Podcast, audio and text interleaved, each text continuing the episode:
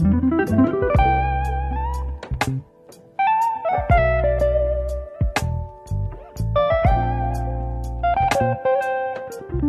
datang kembali teman-teman di podcast AJG bersama aku Wan Christopher Pasaribu dan aku Feliani.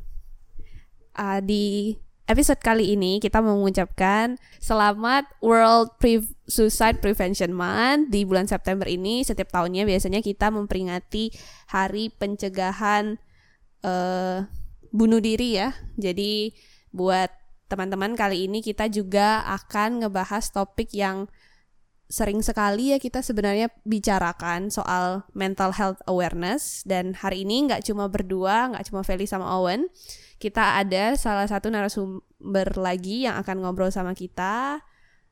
Halo Kak Sarah Aurelia Saragi. Iya, hai, halo Feli, hai Owen. Kak Sarah sekarang uh, kegiatannya apa? Hmm, kegiatan ya. Mungkin perkenalan dulu kali ya. Hai nak Iya, semuanya iya. yang dengerin uh, podcastnya Feli sama Owen. Thank you for inviting me ya. Jadi nama aku Sarah Aurelia Saragi. Aku sekarang kegiatannya jadi mahasiswi nih, magister psiko prof, magister profesi psikologi di klinis anak dan remaja Fakultas Psikologi Unpad gitu. Di Jatinangor, iya. Sekarang di mana selama pandemi? Di Jatinangor atau di rumah? Nah, sekarang selama pandemi karena kurang Pekanbaru, jadi aku di Pekanbaru nih di rumah.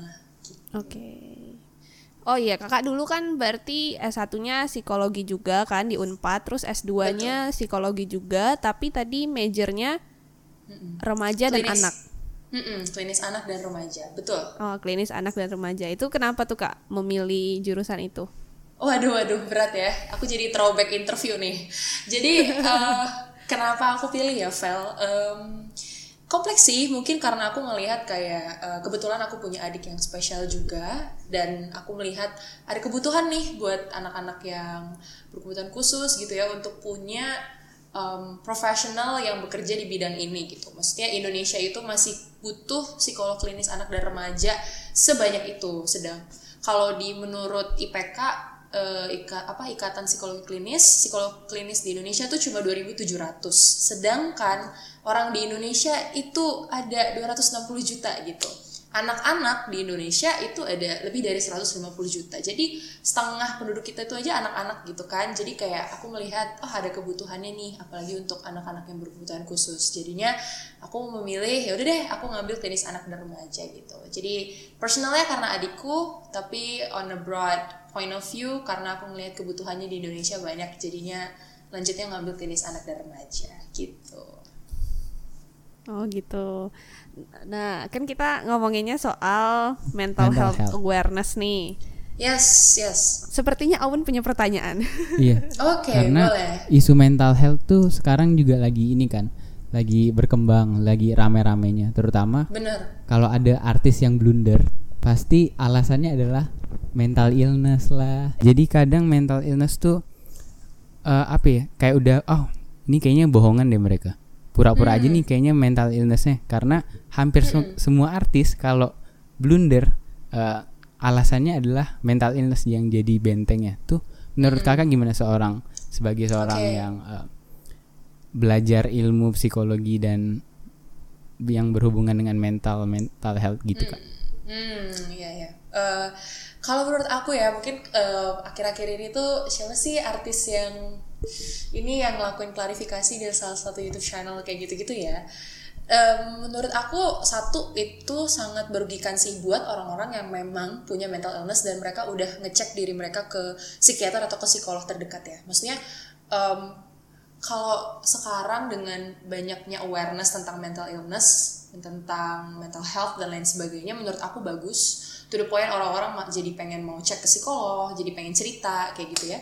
Tapi di satu sisi dengan keberadaan artis-artis kayak gini nih gitu ya, yang menggampangkan quote and menggampangkan mental illness dan kayak ngecap dirinya yang mental illness seperti itu yang ya kita tahu lah ya as netizen. Menurutku itu merugikan mereka yang memang benar-benar punya depresi mereka yang memang benar-benar punya bipolar dan butuh untuk dibantu gitu. Jadinya apa ya jadinya awarenessnya itu nggak full gitu eh, kita nangkepnya. Jadi kita eh, di satu sisi ngerasa bahwa oh mental illness tuh kayaknya alasan lo doang deh kalau misalnya lo uh, apa namanya keluar dari pekerjaan misalnya gitu. Itu kayak alasan lo doang ah itu mah nggak beneran misalnya gitu ya.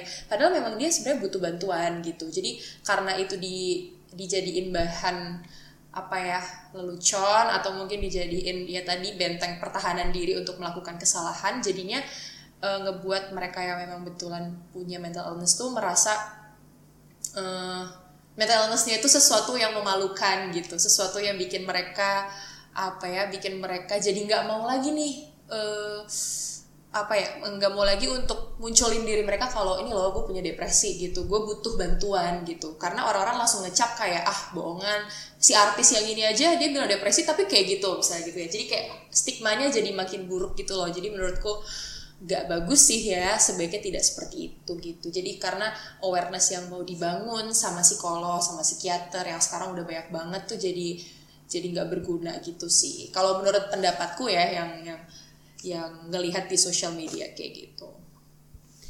Tapi bukannya bagus ya kak kalau misalnya orang tahu nih keadaan dia kayak aku hari ini sedih aku ngerasa kayaknya aku nggak nyaman dengan kondisi pekerjaan aku dan segala macam. Kemudian dia menyadari itu dan sering sekali dibilang itu self diagnose. Sebenarnya self diagnose itu sejauh mana sih dan mm. se sampai di titik mana yang kita tuh tahu ini memang hal yang kita butuhkan dan jat yang jatuhnya ke self diagnose. Hmm, I see, I see. Menarik ya pertanyaannya. Jadi emang sebenarnya di satu sisi baik ya untuk kita tahu nih um, oke okay, aku nggak seneng sih nggak seneng nih sama pekerjaan atau misalnya contohnya uh, aku nggak seneng nih sama kuliah aku gitu ya aku nggak merasa happy dan lain sebagainya gitu. Um, menurutku sejauh mana kita self diagnose adalah sejauh kita hanya membaca informasi di Google baca informasi di account-account social media yang memang ngebahas mental health dan kita mengkonfirmasi itu dengan cara kita dengan diri kita sendiri tanpa kita mengkonfirmasi itu ke psikolog atau mengkonfirmasi itu ke psikiater gitu. Jadi uh, menurutku nggak wise juga ya kita uh, cari banyak informasi tentang uh, keadaan diri kita gitu ya. Tapi kita nggak mencoba mengkonfirmasikannya ke profesional kayak gitu. Alangkah lebih baiknya kalau misalnya kita tahu misalnya kita sedih mulu nih dan itu udah terjadi selama dua bulan misalnya ya.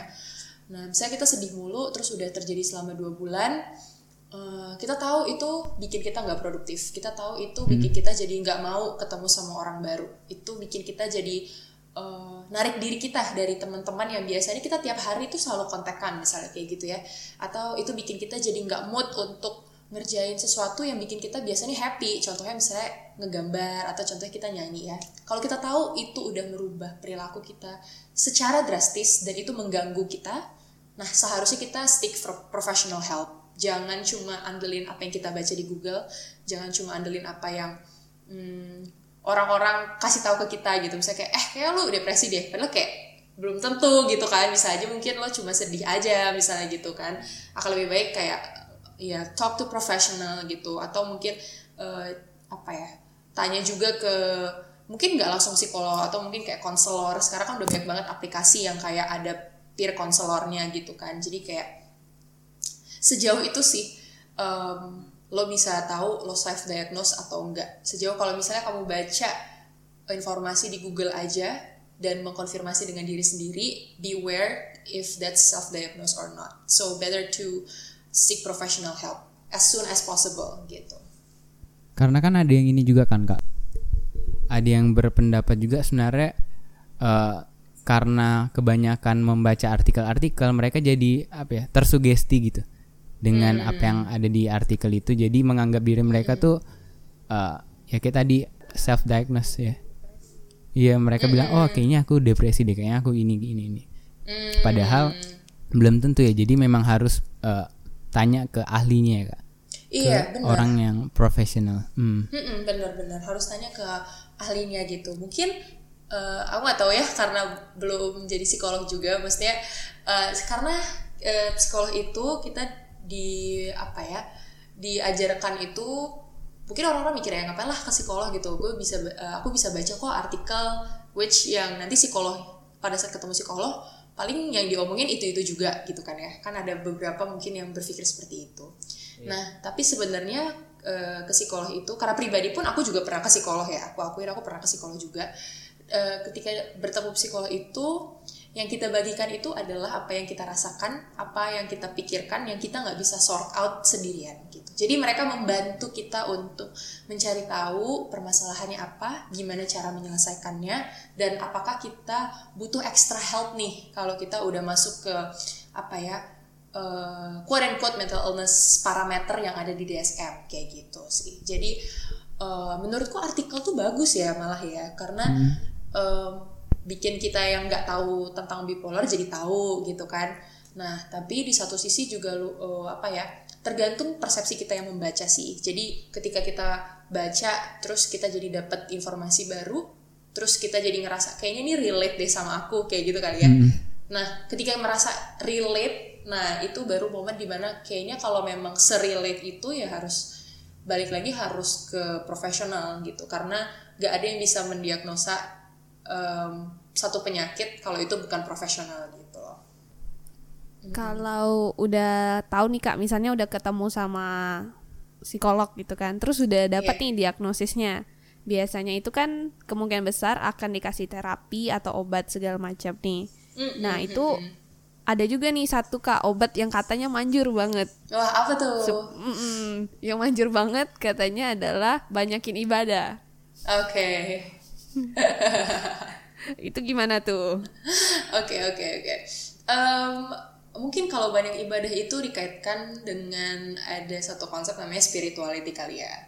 Nah di beberapa um, apa namanya? Kalau di beberapa research um, biasanya itu spirituality itu dengan mindfulness gitu ya. Jadi kayak kita tuh present dengan momen sekarang gitu. Cuman memang uh, aku belum begitu banyak baca research ya tapi ketika coba kita refleksiin deh ke diri kita sendiri gitu ya. Kalau misalnya kita datang ke teman kita gitu kan kita cerita nih panjang lebar gitu kan. Terus dia bilang ah lo kurang ke gereja kali mungkin karena aku Kristen ya. Ah lo karena nggak pernah ke gereja kali gitu ya. Perasaan kita ketika direspon seperti itu pasti kita kesel gitu kan. Karena satu emang tahu apa tentang hubungan aku sama Tuhan. Terus dua kalau aku beribadah memangnya uh, selain dapat fulfillment spirituality apakah itu akan membuat aku jadi tidak stres lagi atau enggak? Gitu. jadi uh, sebenarnya itu tergantung sama orangnya ya. Jadi memang uh, kalau ada orang cerita ke kita dan kita langsung bilang kayaknya lu kurang ibadah itu menurutku pribadi ya nggak uh, begitu wise. Kenapa? Karena satu um, ibadah atau spirituality atau agama itu itu tergantung individu. Itu bisa work di aku tapi belum tentu work di Feli atau di Owen gitu. Saya aku banyak ibadah bisa jadi aku happy terus tiba-tiba aku nggak sedih. Bukan nggak sedih ya. Saya kayak tiba-tiba aku kalau aku ada depresi aku nggak depresi lagi. Ya mungkin itu works di aku tapi di Feli belum tentu. Jadi memang itu sesuatu yang sangat-sangat subjektif begitu juga dengan mindfulness tadi. Itu subjektif. Jadi misalnya um, contoh gampang ya jangan ibadah deh. Misalnya kayak yoga. Sekarang kan banyak banget ya orang yang bilang kayak kalau lo mau lebih happy lo yoga aja gitu ya. Iya. ya mungkin di Valley itu works. Yoga tuh bikin kamu makin fokus gitu. Tapi mungkin di aku enggak malah yoga bikin aku makin overthinking misalnya kayak gitu. Jadi memang itu sangat-sangat subjektif. Nah kalau ditanya apakah ibadah emang beneran bikin kita nggak depresi atau enggak belum tentu.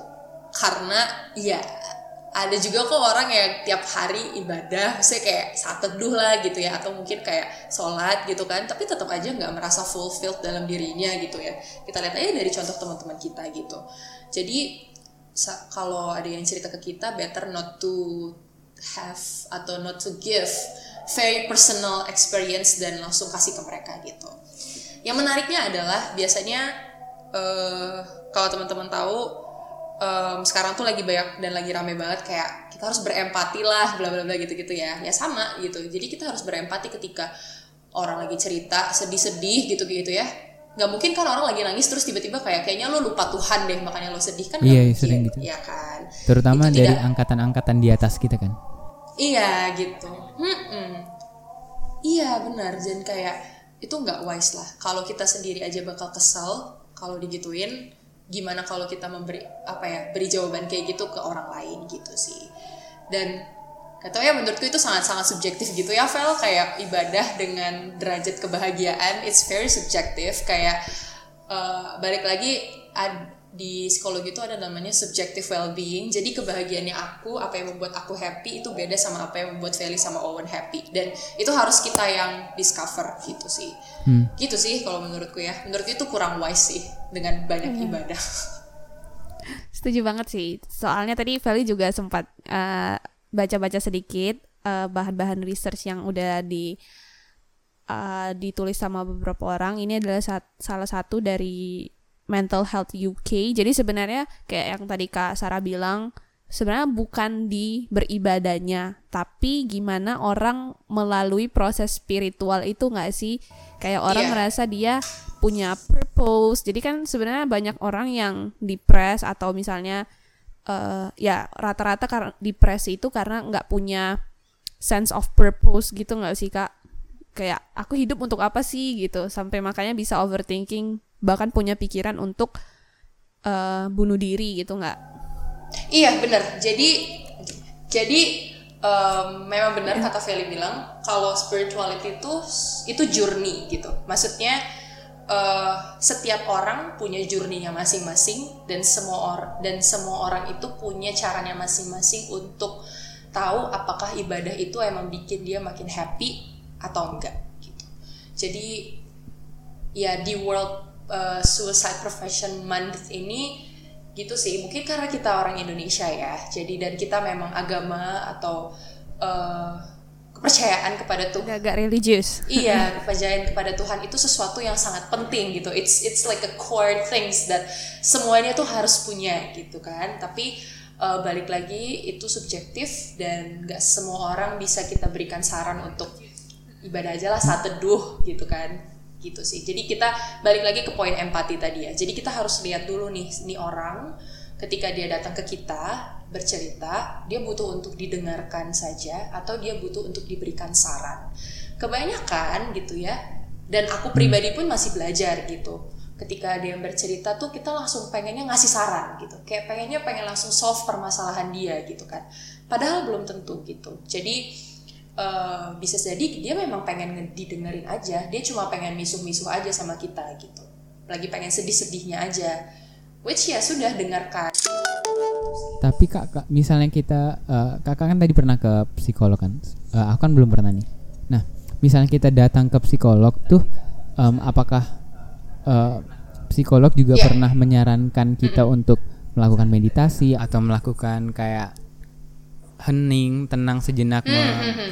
merefleksikan sesuatu atau apa gitu mm -hmm. apakah psikolog juga pernah menganjurkan itu untuk kita mm -hmm. oke okay.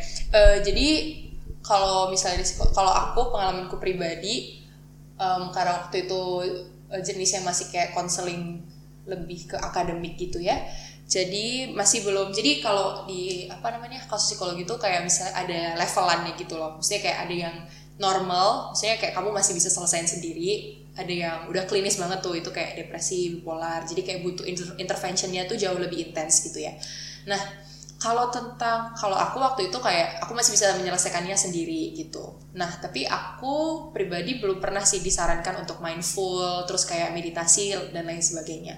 Nah, kapan psikolog itu akan memberikan uh, saran seperti itu gitu ya sebagai salah satu bentuk intervensi buat kamu? Ketika psikolognya melihat kamu butuh sih. Jadi um, jadi ketika psikolog merasa kamu butuh untuk menenangkan pikiran kamu dengan meditasi, maka dia akan bilang coba deh kamu meditasi. Uh, misalnya sehari lima menit misalnya kayak gitu ya bisa jadi gitu jadi memang tergantung kebutuhan klien dan tergantung bagaimana kamu berprogres berprogres selama bersama psikolog itu sih jadi um, psikolog tuh nggak akan beri kamu saran kalau itu nggak make sense dengan situasi kamu gitu atau itu nggak make sense dengan kebutuhan kamu gitu. Jadi dan um, aku juga menyadari ya kalau ketemu psikolog tuh memang cocok-cocokan gitu karena uh, kita kan membagikan cerita kita gitu ya. Uh, dan mungkin kita cocok dengan psikolog yang A tapi kita nggak cocok sama psikolog yang B gitu kan. Which is okay at, at the very least uh, apa ya kamu bisa mengcompare gitu psikolog mana yang sesuai dengan stylenya kamu gitu oh ber sih. berarti tapi, memang ada kemungkinan hmm. jawaban dari psikolog tuh beda-beda gitu kak? Uh, dibilang beda-beda enggak. Enggak karena ilmunya semuanya sama. Tapi lebih ke bagaimana mereka um, melihat permasalahan kamu gitu sih. Jadi um, balik lagi kayak sama aja kayak dokter kan. Kalau misalnya kamu ke dokter A dibilangnya uh, sakitnya uh, X misalnya gitu. Ke dokter B dibilangnya sakitnya X juga tapi bukan X aksen misalnya gitu. Jadi kayak nggak akan beda-beda jauh jauh banget mungkin enggak tapi bagaimana mereka nge-approach permasalahan kamu mungkin style intervensinya style terapinya mungkin berbeda antara satu psikolog dengan psikolog lain gitu sih. Terus sebenarnya ada satu tren yang cukup menarik nih kak di akhir beberapa tahun belakangan ini. Semakin mm -hmm. banyak buku-buku kayak self help, terus juga semakin mm -hmm. banyak konten-konten di sosial media yang berkaitan dengan mental health well-being lah well-being secara general lagu-lagu juga itu yes yes lagu-lagu juga mm -mm. jadi well-being ini sebenarnya concern yang nggak mesti orang sampai depresi dulu baru mikirin itu i, tentang kesehatan mental nggak sih kak? Mm -mm, true true. Jadi uh, well-being ini sekarang di psikologi itu ada juga yang emang lagi rising tuh psikologi positif. Jadi memang uh, ngelihat kamu nih sebagai individu itu dari strength kamu gitu, dari kekuatan yang kamu punya, terus kamu utilize nih untuk kamu bisa uh, produktif, untuk kamu bisa menyelesaikan masalah kamu sendiri.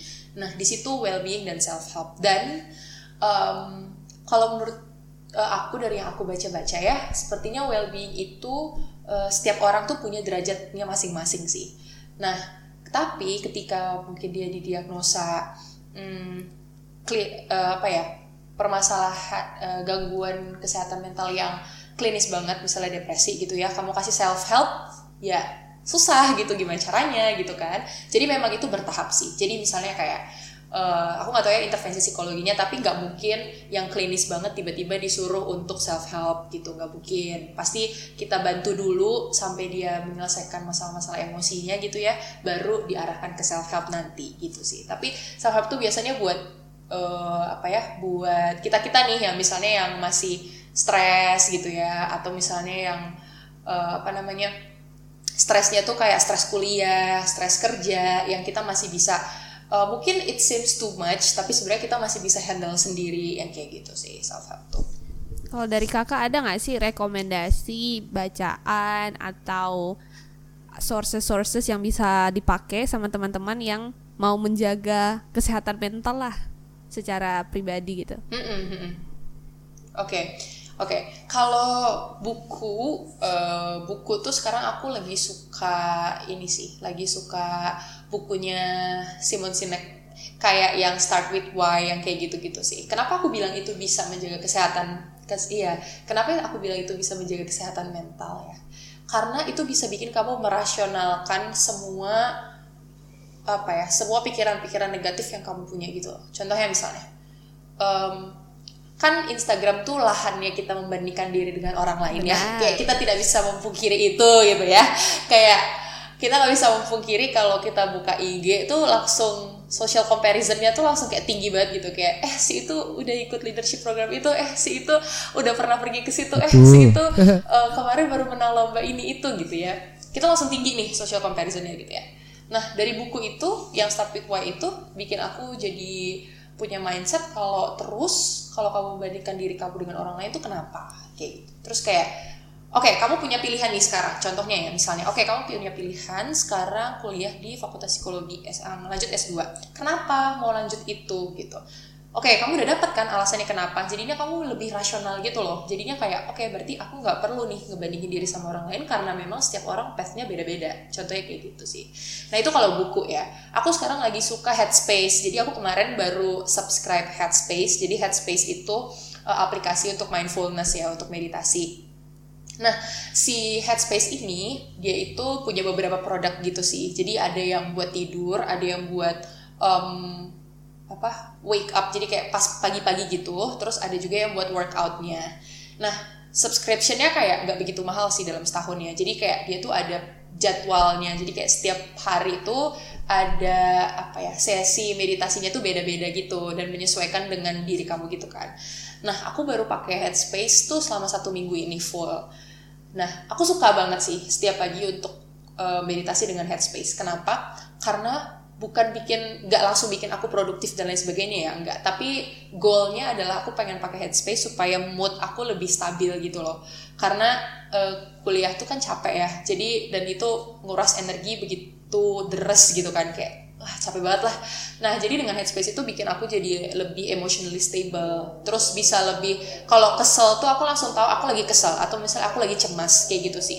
Dan itu ngebantu. Mungkin teman-teman bisa download aja kali ya headspace. It's a very good application kalau misalnya teman-teman mau untuk self help dan uh, di headspace itu dikasih tahu gitu sih uh, gak dikasih tahu deh kayak ada beberapa option kayak kenapa kamu mau coba untuk mindful meditation. Kayak apakah untuk memperbaiki pola tidur atau mungkin untuk memperbaiki mood atau mungkin untuk uh, apa ya uh, handle your emotions, regulating your emotions atau apa gitu sih. Dan menurutku itu penting ya untuk apa namanya punya satu app yang menunjang self helpnya, quote and quote self helpnya kita atau keep us sane karena bikin kita jadi on track sama mood kita sendiri, bikin kita jadi on track sama emosi kita sendiri juga ya itu sih. Dua itu sih yang aku rekomendasiin ya buku sama app gitu.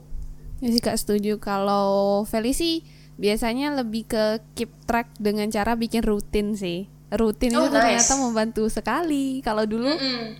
Mm, kalau dulu waktu-waktu SMA lah udah mulai suka ekspor ini itu segala macam tidurnya bergadang gitu kan. Tapi pas kuliah yang kayak kata kakak tadi kan kuliah itu ternyata secapek itu terus juga kita organisasi juga biasanya kan yep. dan ada yep. beberapa aktivitas di luar kuliah jadi yeah, itu yeah. energinya cukup habis gitu kan jadi ternyata mm -mm. punya rutin malam rutin pagi itu sangat membantu sekali self care yeah. kayak gitu-gitu benar benar benar benar dan um, mungkin regarding self help juga ya ini juga aku masih latihan sih jadi uh, aku selalu ada satu buku jurnal nih kecil aku baru mulai sih ini tiga hari ini semenjak kuliah di S2 ya. Jadi kuliah di Mapro itu untuk menjadi psikolog pun kita juga diajarin untuk bisa self help diri sendiri karena karena jadi psikolog itu kayak teman-teman tahu lah ya pekerjaan psikolog seperti apa ya. Jadi sebelum kita membantu orang lain kan kita harus menyelesaikan diri kita sendiri dulu kan. Jadi aku disuruh dosen aku untuk beli satu buku jurnal kayak gini kecil. Terus kayak nulisin gitu loh. Uh, ya keluaranku sebenarnya kayak nulisin to do list gitu kayak pakai sticky notes gitu-gitu.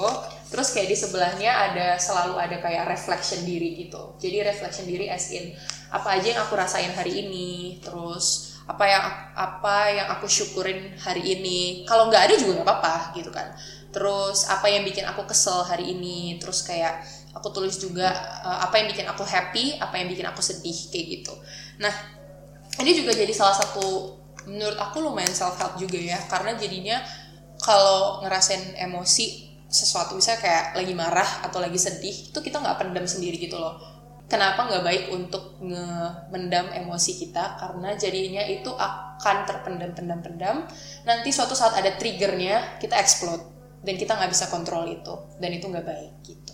Dan itu membuat kita jadi uncontrollable. Kita jadi nggak tahu kita lagi merasakan emosi apa. Jadi uh, karena dosenku bilang seperti itu uh, kita harus bisa nih ngeregulasi emosi kita. Jadinya aku bikin tuh si jurnal itu selama tiga hari. Aku belum merasakan significant improvement ya tapi day by day itu kayak aku selalu look forward to setiap malam sebelum tidur tuh kayak nulisin diary gitu loh kayak apa aja yang aku rasain. Dan ternyata itu um, secara nggak langsung membantu aku sedikit sih untuk menuangkan apa yang aku rasain dan menuangkan apa yang bikin aku pusing. Jadi mungkin teman-teman yang dengerin mungkin bisa coba ya untuk bikin uh, si mini journal ini supaya kita tetap on track sama emosi kita dan supaya kita tetap ngerasa humans lah gitu. Gak gak gak feeling emptiness atau feeling nothing every day gitu loh.